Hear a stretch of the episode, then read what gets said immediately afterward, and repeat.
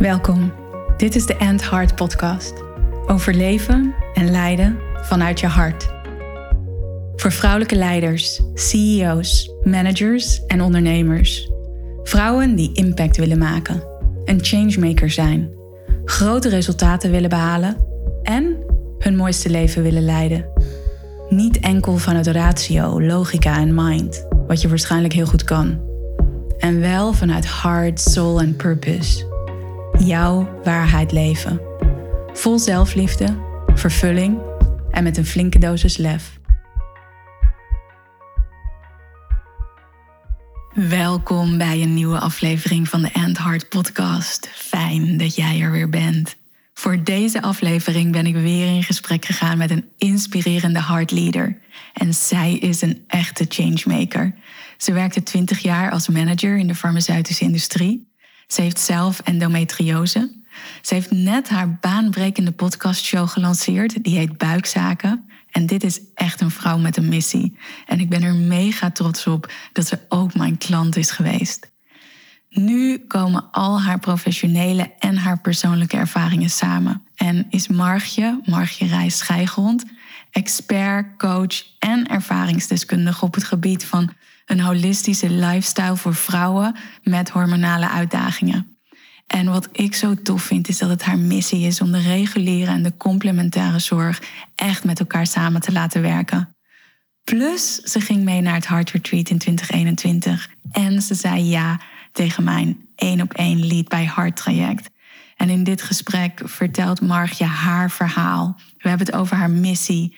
En natuurlijk vertelt ze ook over het Heart Retreat en wat de samenwerking met mij haar gebracht heeft.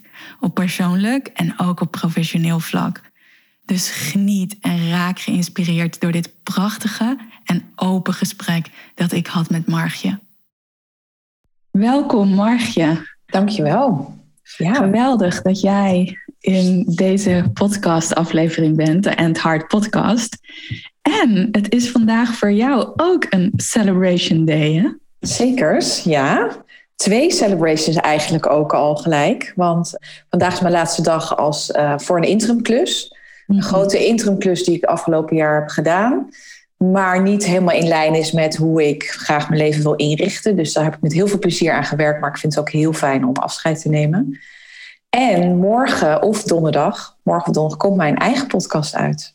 Ja, wauw. Dus dat zijn twee moedige keuzes die jij hebt gemaakt in de afgelopen periode. Ja, twee moedige keuzes. Mijn podcastserie is echt wel een droomproject. Ja. Ik had al heel lang het idee om zoiets te maken.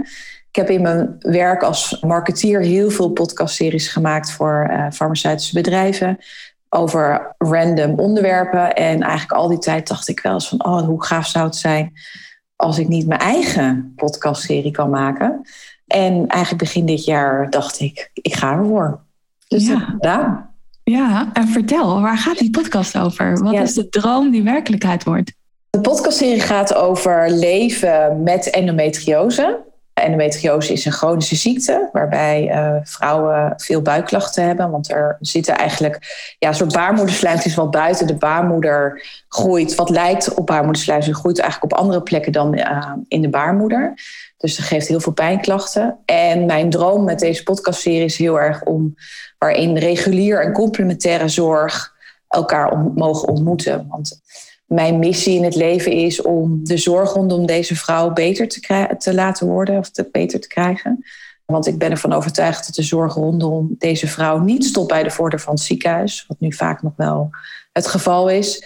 En we kunnen de vrouw ook heel erg ondersteunen vanuit complementaire zorg. En wat je nu vaak ziet is dat het in toch wel twee hokjes zijn, twee werelden. Maar ik hoop dat deze twee werelden toch echt meer in verbinding met elkaar komen ten goede van de zorg voor de vrouw. Dus deze podcastserie maak ik met een gynaecoloog.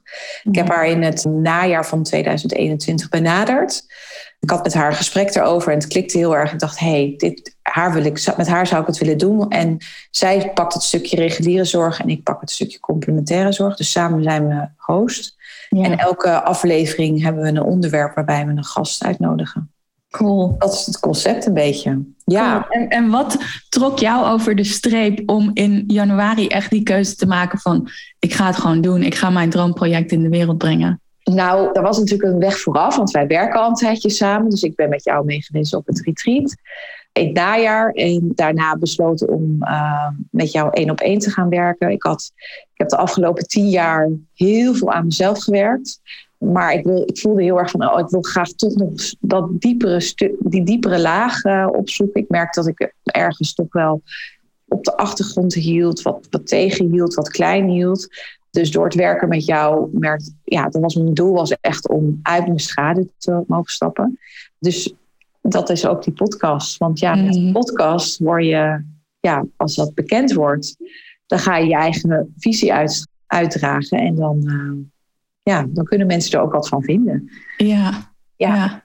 Maar nu voel ik dat ik daar echt klaar voor ben. Mooi. Ja. Mooi. Dus uit de schaduw en in de podcast Spotlight. Ja, en ik heb het een beetje onderschat. Want ik dacht, dat doe ik wel even. Maar je moet al je coaching, coaching skills moet je laten gaan, varen. Want normaal knik je, dan zeg je hmm, ja. Je laat zien dat je goed luistert, dat je meeleeft. Dat zijn allemaal dingen die je dus niet moet doen in een podcast. dus uh, de eerste afleveringen, toen ik mezelf terugluisterde, dacht ik, hmm, oké, okay, ja, maar je groeit er heel erg in maar ik hou ook echt van nieuwe dingen, nieuwe dingen ondernemen. Dus het is ook wel weer echt heel leuk om zoiets, uh, om zoiets te doen. Ja, cool. Dus ja. een podcast opnemen heeft ook te maken met dingen afleren. Zekers, ja. hey, en vertel, wie ben jij? Je hebt al een paar dingen zo laten vallen, maar wie ben jij? Ja, dat, ik weet dat die vraag het gesteld, altijd gesteld gaat worden. Ik ben nou fan van jouw podcast, dat weet je. Dus ja, wie ben ik? Jeetje. Ik ben, allereerst ben ik Margje. Mm-hmm. En ik ben een vrouw van bijna 41 jaar. En dat zeg ik echt met trots. Ik heb altijd gedacht dat ik het verschrikkelijk zou vinden om oud te worden. Maar vorig jaar ben ik 40 geworden. En eigenlijk vind ik het leven alleen maar mooier worden. Ik ben moeder van twee prachtige kinderen. En vrouw van Erik. Ik ben ook een, een zus ben dochter van. Dus dat is een beetje mijn, zijn mijn rollen in mijn privéleven. En verder ben ik ook een vrouw die leeft met endometriose. Zeg ik niet zo vaak. Ik heb dat eigenlijk altijd een beetje weggemoffeld. Mensen wisten het wel, maar was niet op de voorgrond. Maar ik merk nu steeds vaker dat ik het er echt bij vermeld. Want ik wil graag een inspiratiebron zijn voor vrouwen die ook moeten leven met endometriose of moeten leven met een chronische ziekte. Dus soms gaat mijn leven zijn ups en downs. Maar ja, dat hoort, hoort nu bij mij, dus ik kan er ook wat makkelijker over praten. En ik heb mijn, uh, ben coach, holistisch leefstijl hormooncoach. Een hele mond vol. Maar waar het op neerkomt is dat ik vrouwen begeleid met allerlei hormonale klachten. Waarbij vaak ook echt al een stukje verdieping in zit. Dus uh, je raakt hormonaal uit balans vanwege stress in je dagelijks leven. Of allerlei andere factoren die spelen. Dus ja, je kan wel je hormoondisbalans oplossen met voeding, beweging, uh, gezonde leefstijl. Maar er zit ook een stukje daaronder. En ik specialiseer me echt ook gericht op vrouwen met endometriose. En daarin heb ik echt een missie. Dus ik, ik probeer echt de zorg wakker te schudden en te zeggen: jongens, we moeten het samen doen. We hebben regulier een complementaire zorg. De zorg stopt niet bij de voordeur van het ziekenhuis. Laten we elkaar opzoeken, zodat we de vrouw uh, ja, goede begeleiding kunnen geven. Ja. En, en wat maakt dat jij dat wegmoffelde, jouw eigen verhaal rondom endometriose? Dan gaan we heel ver terug. Ik, ben, uh, ik was ik, uiteindelijk toen ik ging menstrueren, op, ik was laat, op mijn 16e, 17e. Toen kreeg ik allerlei klachten, niet begrepen klachten. Dus ik heb twaalf jaar rondgelopen met heel veel klachten. Ik heb veel ziekenhuisbezoeken gehad, veel misdiagnoses gehad. En eigenlijk al te horen gekregen, ja, er is niks, prikkelbaar darmsyndroom. Nou, Crohn is wel eens een keer uitgezocht. Dus ik, ja, eigenlijk, ja, je moet er maar mee leren leven. Dus op dat moment ben ik in een overlevingsmechanisme gestapt. En dat was eigenlijk vluchten. Vluchten voor mijn eigen gevoel. Maar doorgaan. Ik werd heel resultaatgericht, carrièregericht. Dus ik stapte eigenlijk heel erg uit de verbinding met mijn lijf. Dus het was er ook niet. Dus ik mhm. praat er wel over. Ik, eh, ik, ik ben, mijn omgeving weet het. Die wist wel dat ik een hockeywedstrijd moest afzeggen. Omdat ik niet meer ja, kruipend over de grond ging. Nou, ik ben al bijna 22 jaar met mijn man. Die kent me niet anders. Dus daar liet ik wel wat zien. Ik had heel erg heftige klachten. Maar ja, de stem, het, wat ik hoorde van de arts, het hoort erbij dat, heb ik mezelf, dat verhaal heb ik mezelf ook al die tijd verteld. Het hoort erbij. Ik ben een van de ongelukkigen die heftige menstruatie heeft. En, dus ik moet er maar mee leren leven. Maar ja, uiteindelijk wilden we graag kinderen. Dat lukte niet. En toen, uh, na lang proberen, ik denk na meer dan een jaar, ben ik naar de huisarts weer gegaan. Een aantal jaren terug was al wel eens een keer geval, het woord gevallen endometriose, was verder niks mee gedaan. Toen was ik bij de huisarts en ondertussen, ik heb, mijn moeder komt uit, uh, uit de zorg, die is altijd verpleegkundige geweest en die had al vaker gezegd, joh Margie, misschien heb je toch endometriose. Kaart het nou toch nog eens een keertje aan. Dus toen ben ik naar de huisarts gegaan en kaartte dat nog een keer aan. En die zei, nee, daar heb je hele andere klachten, dat hoort er niet bij. Maar waarop ik vertel van, ja, ik ben eigenlijk ook al een jaar zijn we bezig om kinderen te krijgen en het lukt niet. Ik was jong, ben heel blij dat ik naar mijn gevoel... Daar heb ik, toen heb ik wel geluisterd naar mijn gevoel. Mm. Uh, om vroeg te beginnen, want ergens had ik het idee, dit kan misschien nog lang duren. Dus omdat ik jong was en een jaar bezig was, stuurde hij me op basis daarvan stuurde hij me eigenlijk weer naar het ziekenhuis.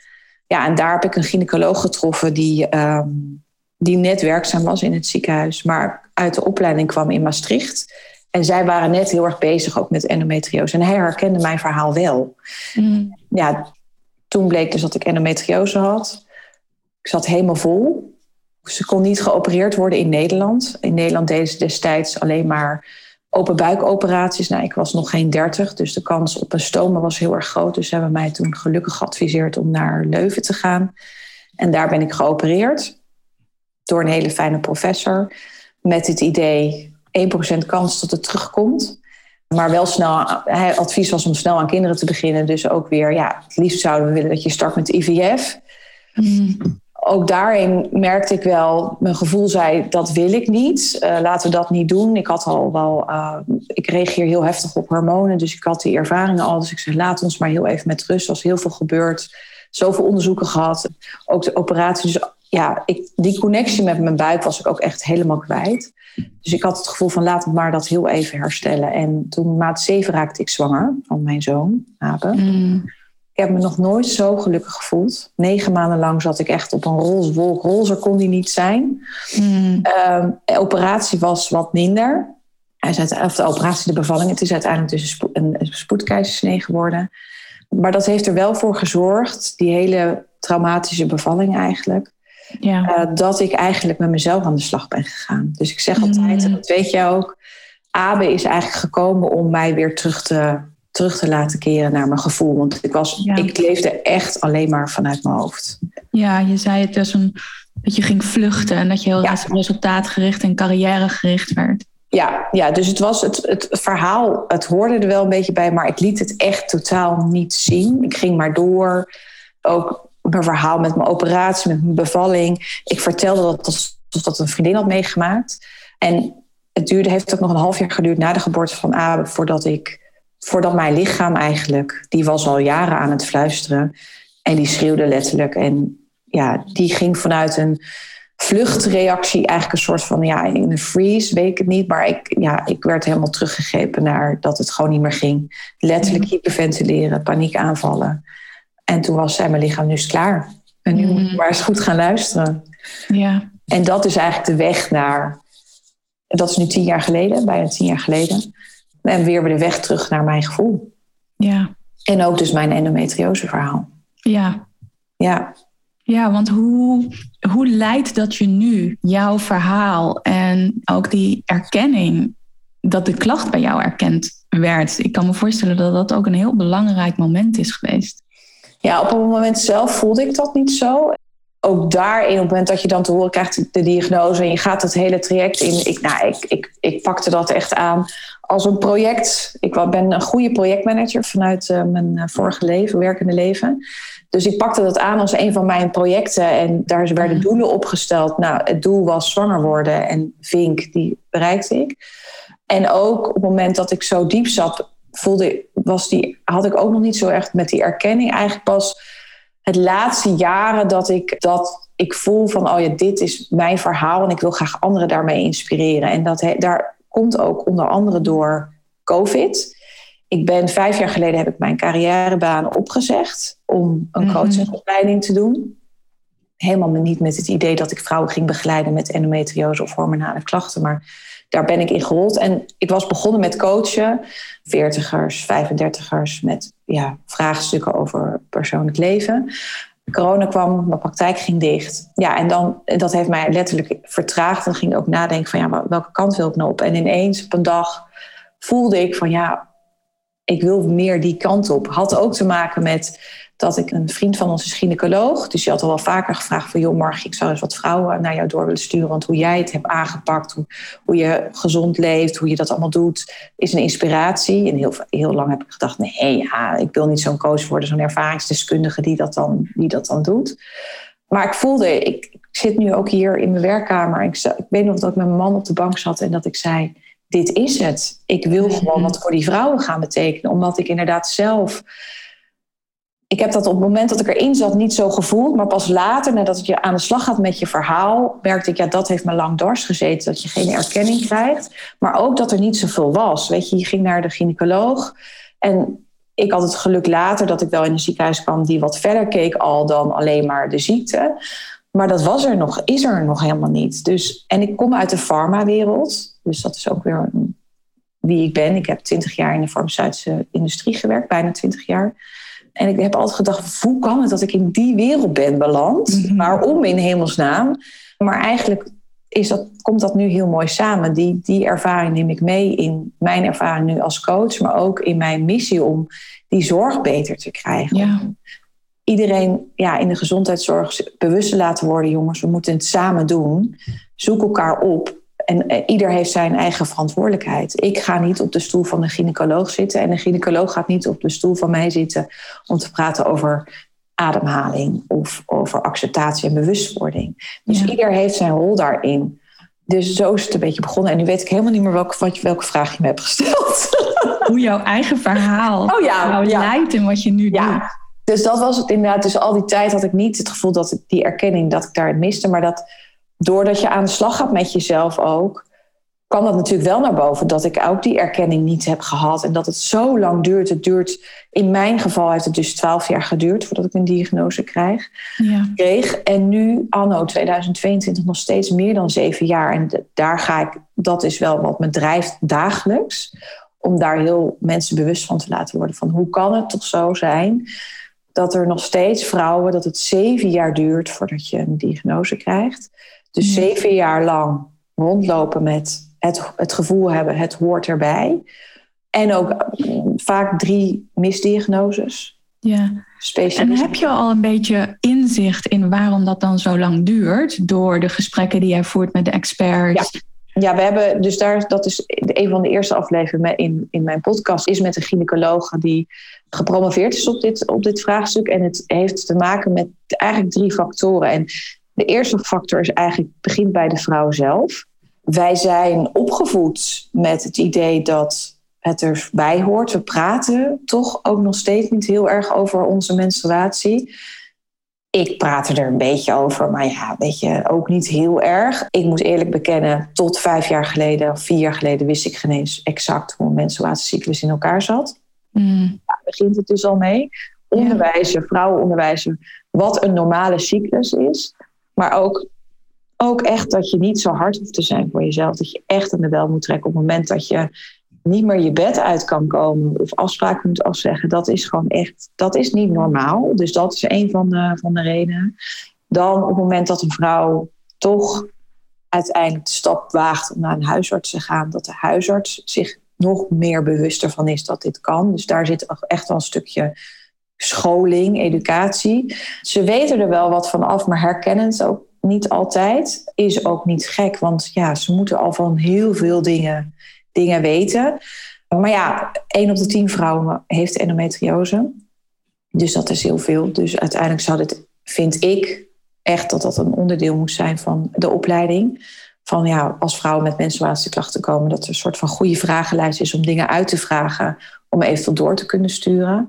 En dan, als ze uiteindelijk doorgestuurd worden, zit er ook nog wel een gap bij de gynaecoloog zelf. Want we hebben niet, ja, de gynaecoloog is natuurlijk niet alleen maar endometriose, die in principe mm. ballingen, uh, nou, iedereen heeft zijn expertise. Dus ook daarin zit ook nog wel een stukje scholing. Dus het heeft, heeft met drie pijlers te maken. En het stukje de medische wereld, ja, dat, dat probeer ik ook samen met de gynaecoloog met wie ik samenwerk. Maar daar probeer ik ook wel meer aandacht aan te vragen. En middels mijn eigen Instagram-account probeer ik vrouwen bewust te worden, laten worden van jongens. Als er wat is, mm als je, ga naar, trek aan de bel. Ja. En ik denk dat wij als vrouw ja, toch wel ook echt hard voor onszelf kunnen zijn en altijd maar doorgaan. Ja. Ehm, wat ons ook heel veel, heel veel geeft en mij ook heel veel, ik heb daar heel veel mee bereikt. Maar tegelijkertijd gaat het natuurlijk ook ten koste van je eigen gezondheid. Ja, ja, want je zei net ook zoiets moois toen je vertelde over jouw eigen verhaal. Dat toen jouw zoon Abe werd geboren, dat hij echt jouw boodschapper is geweest om te voelen. En om weer te gaan voelen. Ja. En wat heeft dat jou gebracht, dat voelen? Dat heeft, dat heeft mij gebracht naar, naar eigenlijk wie ik ben. Ik, heb, ik zeg altijd van, ik was al een heel intuïtief meisje. Ik zat op de vrije school, dus heel erg met de natuur. En ik voelde alles feilloos aan. Mijn moeder zei echt, die zegt dat nog steeds van ja, dan hadden wij een gesprek beneden in de keuken. Jij was boven, je komt naar beneden en je wist waar we het over hadden gehad. Dat was helemaal weg. En door de geboorte van ja, heb ik daar zo aan gewerkt. En ben ik zodanig weer terug in mijn gevoel dat ik ook echt durf te vertrouwen op mijn eigen intuïtie en op echt mijn onderbuik. Ja, als ik elke dag incheck met mijn buikgevoel, mhm dan weet ik hoe mijn dag gaat lopen. En dat, dus het brengt me weer echt terug naar wie ik ben en daar ook op durf te vertrouwen. Ja, dus jouw buik, jouw onderbuik heeft een super belangrijke rol gespeeld. En nog steeds speelt die een belangrijke rol op allerlei verschillende manieren in jouw leven. Ja, ja, waarbij ik dus jarenlang totaal niet in verbinding ermee was. Een soort van, ja, ik had het gevoel dat ik, mijn lijf, mijn hoofd en mijn lijf waren twee losse componenten durf ik er nu weer helemaal letterlijk op te vertrouwen. Ja. En is het ook echt aanwezig? En uh, heb ik tien jaar lang gewerkt om weer echt te, te, kunnen voelen. En is ook het werken met jou weer een richting om ook te durven uitspreken wat ik voel en waar ik voor sta. Dus mijn hart er ook mee, mee te connecten. Ja, ja, want wij hebben natuurlijk gewerkt aan hard leadership en leven en leiden vanuit je hart. Ja. Wat is dat voor jou gaan betekenen? Leven en leiden vanuit je hart of hard leadership? Echt doen wat ik wil doen. Dus echt voelen mm. waar sta ik voor, maar ook mezelf accepteren. Mezelf zien wie ik ben met al mijn plussen en minnen. En daar ook een voorbeeld in te zijn. In eerste instantie echt doe ik het voor mijn kinderen. Uh, maar ook voor alle mensen die ik mag inspireren. Uh, maar ik sta elke dag op. Ik ben gezegend om moeder te worden. Dat is me heel lang gedacht dat me dat niet gegund zou zijn. En ik wil echt een voorbeeld voor hun zijn ook. En hun meegeven van dat je mag zijn wie je bent en dat ook mag uitdragen. En dat je echt doet wat jij, waar, waar jij voor staat, wie jij bent. Ik, een van ons, hè, we hebben ook onze waardesessie gedaan. Een van mijn belangrijkste waarden is echtheid. Mm. Uh, echt zijn wie jij bent. En dat gaat in eerste instantie ook om dat je jezelf mag accepteren wie jij bent met al je plussen en minnen. En dus niet die minnen alleen maar ziet, of alleen de plussen, maar dat je die minnen ziet en dat je die ook omarmt. Ja. Dat, je dat, ook, ja, dat je dat ook mag laten zien. Ja. Ja, mooi. En daarom vind ik het ook zo mooi dat jij ook voor jezelf bent gaan realiseren van hé, hey, ik wil toch ook meer mijn verhaal, jouw persoonlijke verhaal, jouw echtheid ja. delen. Ja. Waaronder in deze podcast. Ja, ja dat, dat is wie, het heeft mij gevormd wie ik ben. En dat zal me altijd blijven vormen. Dit is mijn verhaal. En het is soms lastig van hoe vertel je je verhaal. Ik, het is niet dat ik wil geen medelijden kweken, maar ik wil wel een inspiratie zijn ook dat je, ondanks een chronische ziekte, wel je dingen kan doen die je, die je wil doen, waar jij voor staat. Maar ook daar open in zijn dat op het moment dat het niet goed gaat. Dus dat betekent ook dat ik soms wel eens moeilijke keuzes maar, moet maken, omdat ik te enthousiast ben geweest en overal ja op zeg. Maar dat dan ten koste gaat van mijn eigen gezondheid. En dat heeft, jaren, dat heeft echt wel tien jaar geduurd voordat ik daarin dat ook voel van oké, tot hier en niet verder. Ja. En dat is ook hard leadership, keuzes maken voor jezelf. Ja. Dat vind ik heel belangrijk. Voor mezelf, voor mijn gezin en daarna de buitenwereld. Dat is wel een beetje mijn, mijn inner circle. Ja, mooi. Mooi. En als hard leader is het inderdaad zo belangrijk, en daar wij het ook al over gehad, om ja, je eigen verhalen ook te gebruiken. En wat je zegt, niet om medelijden op te roepen, maar, en wel om te inspireren. Ja. En terwijl jij dit vertelt, denk ik ook terug aan een moment dat iemand die mij heel erg inspireerde, eens tegen mij zei: Je hoeft je verleden niet te dragen als een badge, als een button op je borst. En wel als een krachtige muur die achter je staat. Ja, en ik vond dat zo'n mooie metafoor en visualisatie van, oh ja, dat is het verhaal. En ik sta daarvoor, krachtig in het nu. En ik gebruik dat verhaal wat achter mij ligt wel om herkenning te creëren, om mensen te inspireren. En niet als een meelijwekkende, want dat wordt het soms als die als een soort button op je borst zit van hé, hey, hier ben ik met mijn verhaal. Oh, mooi. Ja, dus, ja. ja zo, maar zo, zo voel ik het ook echt. Ja, ja. ja het, het brengt mij nu ook heel veel. In plaats van dat je, waar ik heel lang een oordeel ook over had, hé, ja, dan heb je weer zo'n ervaringsdeskundige die denkt dat. Maar uiteindelijk ik ben ervan overtuigd, je kan pas vrouw begeleiden op het moment dat je je eigen verhaal verwerkt. Anders kom je meer op, echt op het speelveld ook van, van, van de ander. En, maar kan wel een inspiratie zijn. En je praat wat makkelijk op, op een, op een levelniveau, waardoor je weer, weer verder komt. Ja, mooi. Ja, en jij bent natuurlijk meegeweest naar het allereerste Heart Retreat, het Heart Retreat in het najaar van 2021. Ja. Wat maakte dat jij ja zei en meeging? Nou, dat heeft te maken met Carla. Carla is ook in jouw podcast geweest, maar heeft met jou een één op één traject gehad en is de afgelopen keer mee geweest. Zij is een oud collega van mij en nou, zij weet, wist dat ik heel erg. Ik ben, zij heeft mij helemaal meegevolgd in mijn hele ja, carrière change, zou ik maar zeggen. Of op het moment dat ik mijn baan heb opgezegd en uh, ben gaan kiezen voor mezelf. En wist dat ik heel erg met mijn buik en heel erg vanuit het gevoel dat ik vrouwen ook echt weer terug wil krijgen naar hun gevoel. En die had zei van, joh, je moet testis volgen, want dat is zo'n mooie toevoeging op wat jij doet met je buik en, dan, en ook het hart. Dus ik ben jou gaan volgen. Ik weet niet wanneer het was. Ik denk, op een gegeven moment zag ik een berichtje, een story van jou voorbij komen. Het was grappig, want het was s'nachts. Ik kon niet slapen. En doe ik normaal nooit op mijn telefoon en toen wel. En ik zag het en ik denk, oh, ik voelde, dit, dit is mm. het soms dat, dat heb je. Dan krijg je kippenvel en denk je, ja, dit, hier wil ik bij zijn. Dus ik heb direct gereageerd, ja, dit wil ik. Zet hem maar op de lijst. Dus toen, uh, toen was het was je een van je, volgens mij je eerste berichten daarover. Ja. En toen het concreet werd, hebben wij, uh, was ik, voelde ik nog steeds een ja, die echt in alles.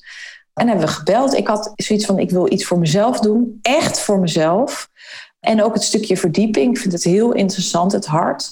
Dus ja, daarom zei ik ja eigenlijk heel intuïtief. Ja. Dat gevoel. En dat was voor mij ook wel een soort van bekroning van ja, ik, ja, ik ben weer echt helemaal in connectie.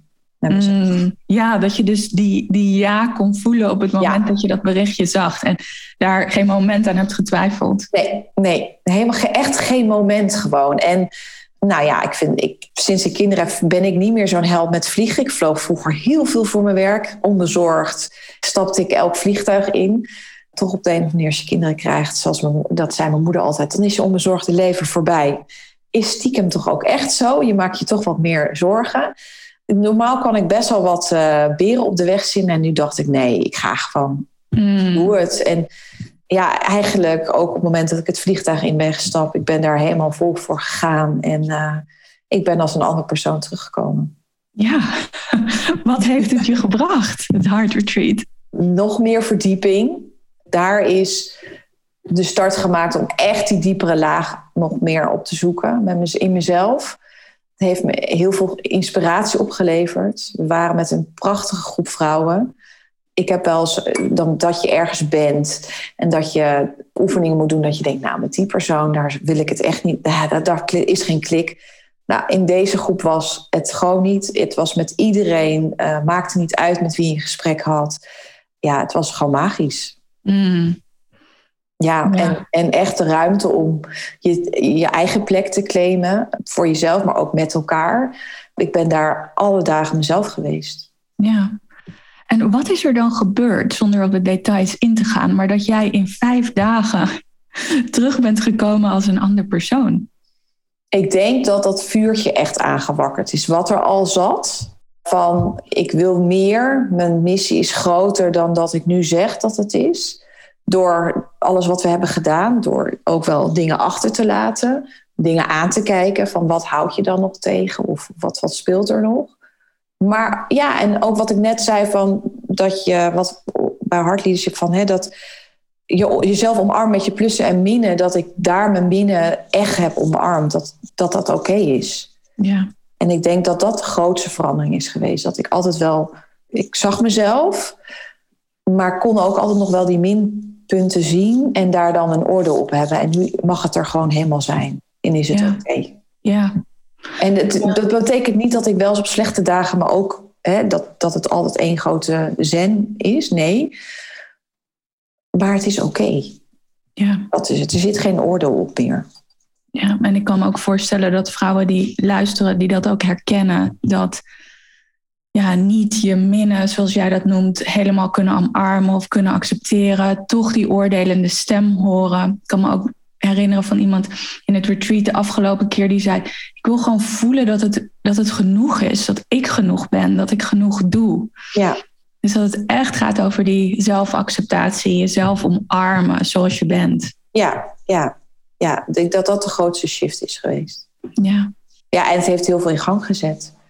Want ik voelde heel erg van, ik wil hier meer op door. Ik wil echt die diepere laag aangaan, ontdekken om mijn missie nog helderder te krijgen. Maar ook ja, om, om echt die schaduw uit te stappen. ja. Ja, en toen zei je dus ook ja tegen Lied bij Hart. En hebben wij het afgelopen half jaar één op één samengewerkt. Ja, ja. En hoezo was er die tweede ja tegen Lied bij Hart? ja, dat was ook weer heel intuïtief. Ik had heel lang al geen, niet een echte coaching traject gedaan. Ik heb heel veel geïnvesteerd de afgelopen jaren in wel ontwikkeling, maar heel erg op mijn kennis en op mijn kunnen. Maar ik vond, voelde ook wel weer van ja, ik zou ook wel weer echt ja, op, op emotioneel niveau ook wel verder willen groeien. Ik voelde ook heel erg dat jouw coachingstijl past mij heel erg. Ik coach ook heel erg vanuit gevoel en verbinding. En ik vond het ook wel eens een keer fijn om dat zelf te ervaren. Dus dat, dat was het eerste stukje. Maar ook wel, ik, ja, ik merkte gewoon, ik stapte terug het vliegtuig in naar Nederland. En ik dacht, ja, ik ga voor mijn missie. En dat is die kant op. En daar kan ik nog wel wat werk in verrichten om, om daar volledig in te mogen stappen. Ja. En ik voelde gewoon heel erg dat ik dat met jou uh, zou aankunnen. ja, want je noemde van ik, wil, ik wilde die diepere laag Ja, ontdekken of daarin werken. En hoe is dat geweest voor jou? Om de laag aan te raken? verhelderend. Ik wist voor een aantal punten wel waarom ik mezelf klein hield. Me klein hield of, of waarom ik niet uit de schaduw durfde te stappen. Dat zijn een aantal dingen, die overtuigingen die je op jezelf natuurlijk hebt gelabeld.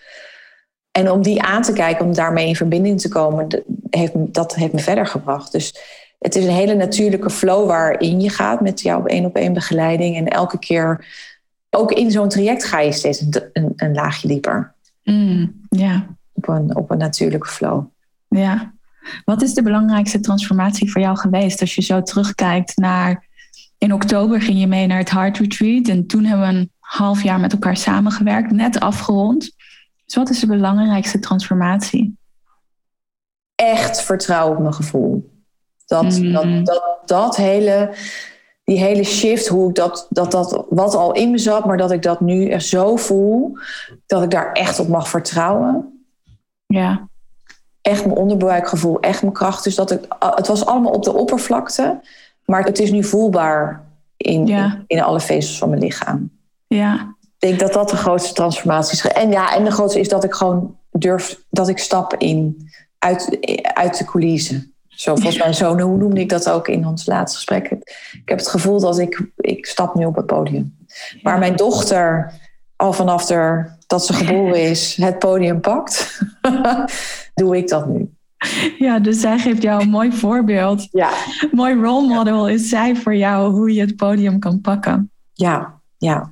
Ja, en ik kan me ook voorstellen dat ook vrouwen die luisteren, dat, dat zij ook denken van, oh ja, ik heb inderdaad ook dat onderbuikgevoel. Of ik heb dat gevoel dat mij leidt.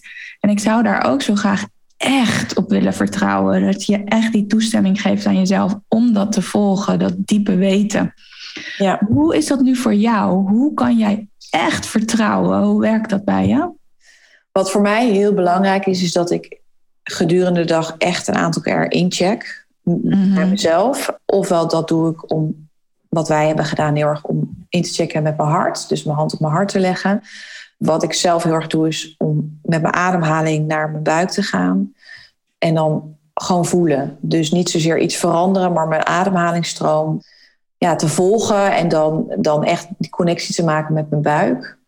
En dan kijken, voelen wat er komt. En op het moment dat er spanning zit, was het vroeger analyseren, oplossen. Dus actie. En nu is het voelen en daarmee in verbinding komen en het eigenlijk even te laten. Ja. En dat maakt dat ik, dat ik daardoor steeds meer en durf te vertrouwen op mijn, op mijn buik. Want vroeger dacht ik van ja, dan maak ik verbinding, dan voel ik, dan moet er gelijk een oplossing zijn. Mm. En dat is, denk, dat is ook wel, dat is ook trouwens wel een grote verandering, dat je niet altijd gelijk in de actiestand hoeft te schieten. Ja, ja dat je dus gewoon mag zijn, mag voelen. En dat van daaruit het juiste zich ontvouwt. Ja, ja, ja, en dat je het ook niet altijd hoeft te analyseren. Dus mm. dat is dat hoofd wat natuurlijk wel eens aangaat. En als je dat opmerkt, want ook ik schiet echt nog wel in mijn hoofd, maar ik merk het op. En dan is mijn ademhaling is daar mijn, uh, mijn hulpmiddel in om daarin te verzachten en ook erin te vertragen. Ja, en mooi ook dat je dat noemt, dat hoofd. En ik denk ook dat veel vrouwen dat herkennen. Zeker intelligente vrouwen die in rationele werelden werken. Waar ja, argumenten geven, analyses geven vanuit logica. Ja. Je keuzes ondersteunen of beargumenteren. Dat dat hoofd en daarin raken zo'n ja, ik wou zeggen valkuil is, maar ook zo'n automatisme is. En dan jezelf dus toegestemming geven om echt te mogen zijn, te mogen voelen en te vertrouwen op dat de juiste antwoorden vanuit daar komen. Die je niet hoeft te analyseren, maar die gewoon zo zijn, omdat je ze zo krachtig voelt. Ja, ja eh, precies. En dat is natuurlijk ook wat ik jaren ook heb gedaan in, in de wereld waarin ik heb gewerkt. Daar gaat het om doelen stellen en dan ben je met je hoofd bezig. Ehm, maar ook daar kun je veel meer vanuit gevoel doen. Ja, ja, hoe denk jij dat de wereld eruit gaat zien? En ook organisaties zoals waar jij hebt gewerkt, de farmaceutische industrie of de medische wereld, waar jij nu je ook op focust. Hoe gaat die wereld eruit zien wanneer mensen echt in hard leadership stappen? Dan wordt het zachter. Ik denk dat het in heel veel mensen erin zit, maar er is weinig ruimte voor. Ik merk wel, je ziet een kleine verandering, kleine stapjes in de farmaceutische wereld kan ik het niet zo heel goed meer zeggen, omdat ik daar niet meer in de leadership team zit waar ik vroeger zat. Vroeger deed ik wel mee aan zo'n leadership team en dan ging het wel iets meer over gevoel, maar ook niet altijd heel veel. Ik denk in de medische wereld en dan specifiek binnen de gynaecologie, daar is steeds meer ruimte voor, oog voor. Je merkt ook wel dat zij ook zeggen, we, we kunnen het niet meer alleen oplossen met met onze handelingen. We, we, moeten verder kijken. We kunnen veel meer ondersteuning bieden. Dus daar zie je een veel holistische aanpak. Dus echt de vrouw zien in plaats van alleen de klacht. Maar dat, dat, dat is een proces. En ik hoop dat ik daaraan mag bijdragen. Ja. Om, om daar hun daar bewust van te laten worden. En dat is ook voor hun uit hun comfort stappen. Want sommige dingen zijn niet wetenschappelijk onderbouwd. Ja. Maar praktijk laat zien dat, wel het, ja, dat, dat het wel goed is. Of, of, ja, dus het is een heel proces. Maar ik denk dat op het moment dat we meer hard leadership hebben, ook in deze werelden, dat er veel meer gevoel is en meer zachtheid is. En ik denk dat dat, dat, dat wel echt wel meer mag. Ja. Denk jij ook dat dat leidt tot betere of meer effectieve, meer holistische oplossingen? Ja, het leidt zeker, zeker absoluut. Ik ben ervan overtuigd dat de zorg gewoon beter gaat worden. Als je daar meer naar, naar gaat kijken met elkaar of meer in verbinding komt. Het wordt anders. Dus waar je vroeger, hè, je, breekt je been, je gaat in het gips en dat is het. Is dat anders? Nu kan je dat ook al kijken. Hè? Je breekt je been, je gaat in het gips, maar eh, zorg ook goed voor je, voor, je, voor je gezondheid, want je zit zes weken stil. dus dat is heel, heel, even een heel simpele oplossing. Mhm. Maar dat is natuurlijk ook voor complexere aandoeningen. Van het gaat niet meer alleen maar om die klachten behandelen. Er komt zoveel bij kijken. Het heeft zoveel impact op de arbeidsmarkt, op, het gezinsleven.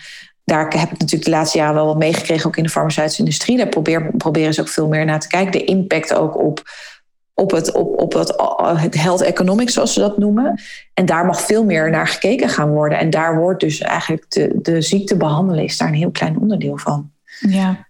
ja, mooi. Dus hoe jij ook een schakel bent om al die verschillende aspecten met elkaar te verbinden. Die reguliere en die complementaire zorg echt met elkaar te laten werken. Ja, en dat kan je bereiken door, daar hebben we het natuurlijk ook wel eens over gehad, door heel erg tegen elkaar, van elkaar verwijderd je standpunt in te nemen. En ja, ik denk ook wel anders dan misschien andere, uh, dan de artsen. Maar ik ben ervan overtuigd door heel hard te gaan roepen, gaan we het niet halen. Ga je, dan ontmoet je elkaar niet. En ik probeer ergens in het midden elkaar te ontmoeten en vanuit daaraan verder te kunnen creëren. Ja. Want ja, uiteindelijk hebben we elkaar nodig. En laten we alsjeblieft de zorg, of die, de, in mijn geval dan nu de vrouw, maar in andere bepaalde ziektebeelden gewoon de mens, centraal stellen. En die echt als een eenheid zien. Ja, ja, en wat ongelooflijk gaaf. Hè? En als ik zo nu jouw verhaal hoor, en we hebben natuurlijk de afgelopen zes, zeven maanden, acht maanden misschien, hebben we met elkaar gewerkt en elkaar leren kennen. Maar nu ik jouw verhaal ook weer hoor, hoe prachtig het is, hoe die verschillende kanten van jou, ervaringen van jou, allemaal samenkomen in wat je nu doet. En wat je ook eerder zei van hoezo werkte ik twintig jaar in die farmaceutische industrie? En hoe juist die ervaring en die taal kunnen spreken, hoe dat nu samenkomt met jouw intuïtie, dat je als klein meisje al zo sterk had. En de kennis die je allemaal hebt geleerd in de afgelopen jaren over hormonen, over de vrouw, over het lijf, hoe dat allemaal samenkomt in waar je nu staat. Ja, daar had ik niet gedacht. Uh paar jaar geleden, nee. Nee. ook dat was, op het moment dat ik dat dus uitsprak aan mijn man, was dat ook zo'n kippenvel momentje. Waarop ik ja zei tegen jou op het retreat, eh, was dat, dat ook op het moment dat ik uitsprak van ja, dit kan samen. Dit, dit is gewoon een combinatie van mij. En toen kreeg ik kippenvel, dacht ik ja, dit is het. Ja. Dit is waar ik voor ga. Dit is, dit is, dit is mijn missie. Ja. Ja, zo mooi. Ja. En dan ook om daar echt, en dat is ook een mooi punt geweest trouwens in onze coaching en topic, om ook echt die expertstatus te claimen. Ja, ja, ja, dat klopt. Want ook dat was nog wel een dingetje. oh ja, ja. En hoe is het nu om, om te zeggen van hé, hey, ja, ik ben ervaringsdeskundige, ik ben expert op dit gebied? Uh, voelt heel goed. Ik merk, ik merk ook echt doordat ik dat dat we dat aan hebben, dat ik dat ben aangegaan. Ook om te kijken van, nou, wat, wat, wat weerhoudt mij er nou van om niet in die expertstatus te stappen of om dat uit te spreken. Ik had daar natuurlijk, ik had daar gewoon oordelen over. Maar door dat helemaal aan te pakken, is dat ook weer veel meer van binnen is dat zit dat in je lichaam, zou ik maar zeggen. Voel ik dat ook in, ja. in je vezels. En dat merk ik ook. Ik heb een live dag georganiseerd vroeger had ik echt de zenuw als ik dat soort dingen moest, ging doen. En dan vond ik het spannend en onrustig. En nu, het voelde als een, gewoon echt zo natuurlijk. Dus dat is voor mij ook een signaal dat, het, dat ik echt iets, iets doe wat echt bij mij past. Ja. Dat dat echt is wie ik ben. En op het moment, ik merk dat nu ook wel, op het moment dat ik ergens heel hard voor moet werken, dat het stroef loopt, dan mag ik wel gaan voelen en denken: ja, dit is misschien niet de weg waar, is niet voor mij weggelegd of dat is niet mijn pad. Ja, ja. Luisteraars zullen nu misschien ook wel benieuwd zijn. We hebben zo lang samengewerkt. Hoe heb je mij ervaren als coach? Ja, hoe ik jou ervaren. Ik, hoe ik jou ervaar als een heel liefdevol, uh, vrouw, liefdevolle vrouw. Die wel ook heel pittig goede vragen kan stellen. Waar je geen genoegen neemt met een antwoord. Dus heel goed doorvraagt ja, ja, wat ik zeg, heel liefdevol, maar wel echt uit, op een uitdagende manier. En dat heb ik nodig. Jij hebt volgens mij toen een keer genoemd van die liefde en die spice. Ja, spice, ja, ja zeker. Ja, ja. ja dus het is, het is zacht, maar ook prikkelend. Ja. ja. En wat brengt jou dat, die combinatie? Dat zorgt ervoor dat ik echt ga voelen dat ik het niet zomaar een antwoord geef. Daar kom ik niet mee weg. Dus het zet mij heel, ook heel erg in beweging.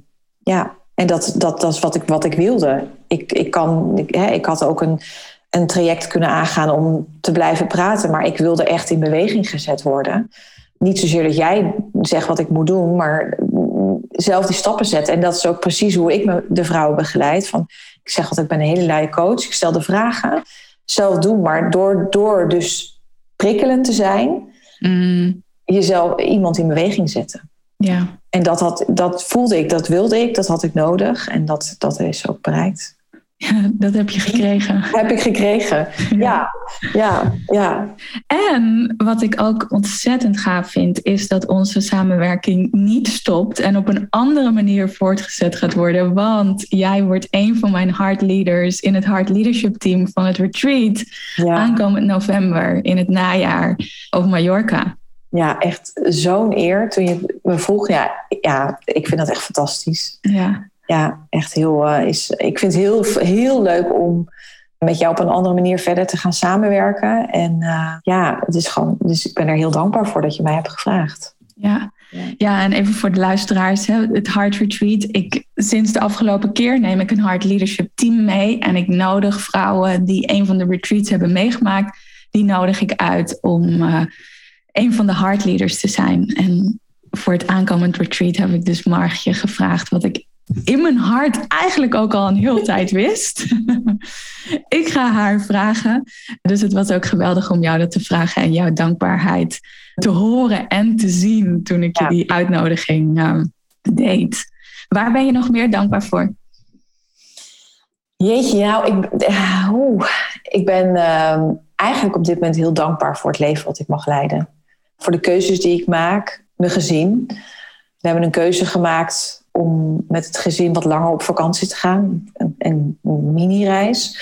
We wilden heel graag twaalf weken gaan, uh, maar vanwege school hebben we het gedownsized naar zes en een halve week, bijna zeven weken. Daar ben ik heel erg dankbaar voor dat we die, uh, die keuze hebben gemaakt. En uh, ook daarin mag ik, dat is ook vanuit vertrouwen. Ja. Alles wat ik nu oppak in mijn leven is heel erg vanuit vertrouwen in plaats van een goal, een doel. Maar vanuit vertrouwen dat ik daar een missie in heb. Of dat ik voel van hé, hey, dit is wat we willen. Ja. Daar ben ik heel dankbaar voor. Ja, en dat is ook zo'n groot aspect van leven en leiden vanuit je hart. Om echt in dat vertrouwen te durven stappen. Ja, ja. Wat is iets dat je de luisteraar nog wil meegeven? Durf te vertrouwen op je gevoel, op je intuïtie. En op het moment dat je dat even niet weet hoe en wat, dat je, dat je daar hulp voor vraagt. Ik denk dat we allemaal hulp mogen vragen. En mm. dat dat juist, juist uh, jou een, uh, een hardleader maakt. Dat je ook durft te vragen. En even specifiek op alle vrouwen die luisteren. Want ik weet dat er heel veel vrouwen luisteren. Er luisteren ook vast ook heel veel mannen, maar ook vrouwen. Als je heftige menstruatie hebt, nu kom ik even eigen PR, maar als je echt heftige menstruatie hebt, trek aan de bel. Loop, blijf alsjeblieft niet rondlopen met klachten. En dat geldt ook voor overgangsklachten. Ik hoor zoveel vrouwen die genoegen nemen met het hoort erbij, ja, het moet even doorbijten.